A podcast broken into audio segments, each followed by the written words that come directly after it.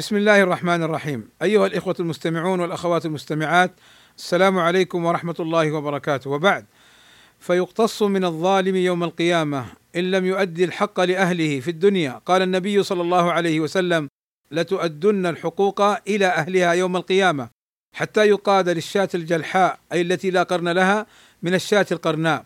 فإذا اقتص للبهائم بعضها من بعض وهي ليست مكلفة فما حال المكلفين؟ ومن كانت بينه وبين غيره مظالم اقتص له يوم القيامة. قال رسول الله صلى الله عليه وسلم يحشر الناس يوم القيامة عراة غرلا بهما.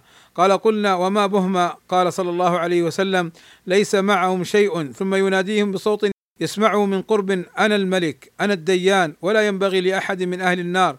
أن يدخل النار وله عند أحد من أهل الجنة حق حتى أقصه منه ولا ينبغي لأحد من أهل الجنة أن يدخل الجنة ولأحد من أهل النار عنده حق حتى أقصه منه حتى اللطمة. قال قلنا كيف؟ وإن إنما نأتي الله عز وجل عراة غرلا بهما.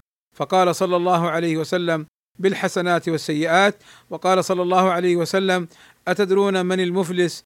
قالوا المفلس فينا من لا درهم له ولا دينار ولا متاع. فقال صلى الله عليه وسلم إن المفلس من أمتي يأتي يوم القيامة بصلاة وصيام وزكاة ويأتي قد شتم هذا وقذف هذا وأكل مال هذا وسفك دم هذا وضرب هذا فيعطى هذا من حسناته وهذا من حسناته. فإن فنيت حسناته قبل أن يقضى ما عليه أخذ من خطاياهم فطرحت عليه ثم طرح في النار.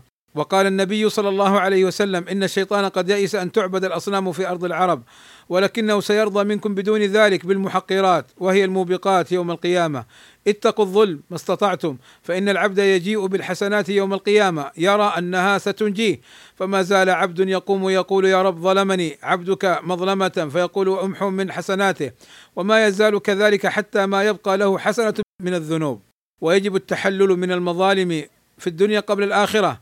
قال صلى الله عليه وسلم من كانت له مظلمة لأخيه من عرضه أو شيء فليتحلله منه اليوم قبل أن لا يكون دينار ولا درهم. إن كان له عمل صالح أخذ منه بقدر مظلمته وإن لم تكن له حسنات أخذ من سيئات صاحبه فحمل عليه. فإن قيل ألا تدل أحاديث مغفرة الذنوب على أن هذا النوع قد يغفر؟ مثل قول النبي صلى الله عليه وسلم من قام رمضان إيمانا واحتسابا غفر له ما تقدم من ذنبه. فالجواب أن هذا الحديث وما جاء في معناه محمول على ظلم العبد لنفسه. وأما حقوق العباد فمبناها على المشاحة وهو عدم التسامح والتنازل ومبناها على المطالبة بالحقوق والاقتصاص كما أفادت الأدلة الأخرى. والسلام عليكم ورحمة الله وبركاته.